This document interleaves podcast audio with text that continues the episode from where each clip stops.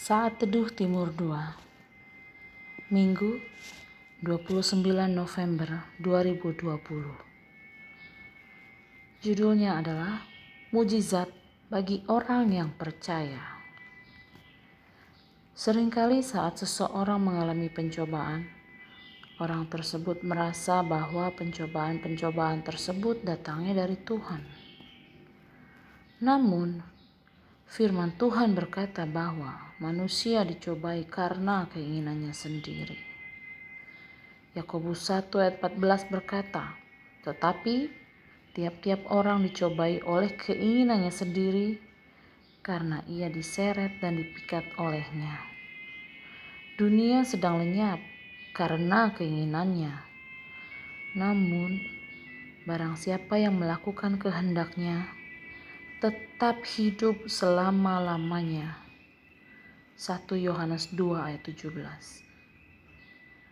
Firman Tuhan berkata bahwa Tuhanlah yang menyelamatkan kita dan memanggil kita dengan panggilan kudus, bukan berdasarkan perbuatan kita, melainkan berdasarkan maksud dan kasih karunia-Nya sendiri yang telah dikaruniakan kepada kita dalam Kristus Yesus sejak mulanya.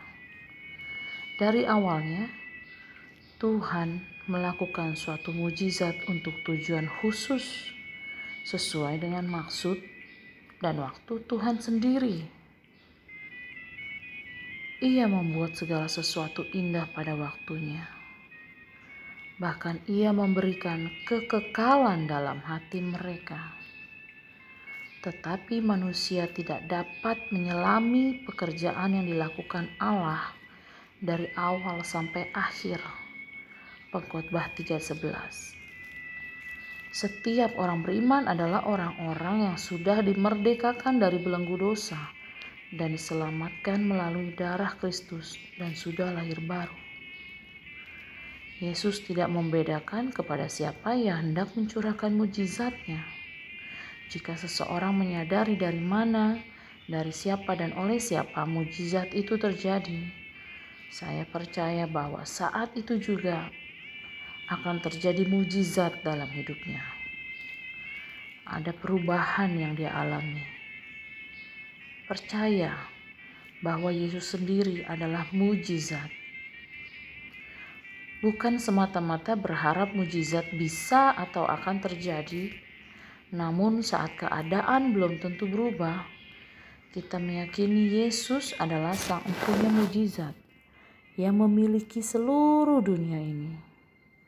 Namun, masih banyak juga orang yang meragukan Yesus sehingga mujizat tidak terjadi dalam hidupnya.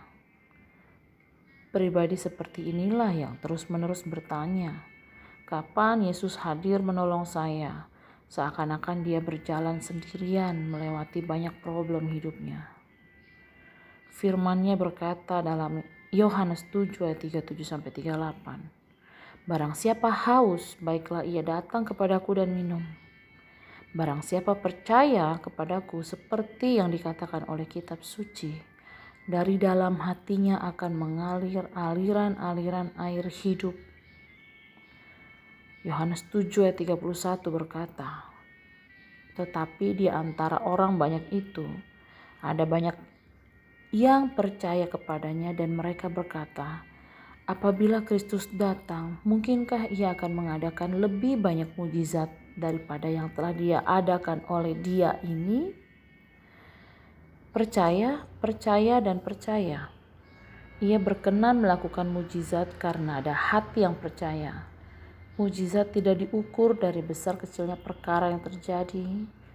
Namun saya yakin akan banyak orang yang merasakan hidupnya berubah apabila Yesus selalu hadir di setiap momen kehidupannya. Sehingga kita menyatakan every day is a miracle. Amen. Bas hari ini hari ke-333 diambil dari 2 Korintus 7 sampai 9. Tuhan Yesus memberkati.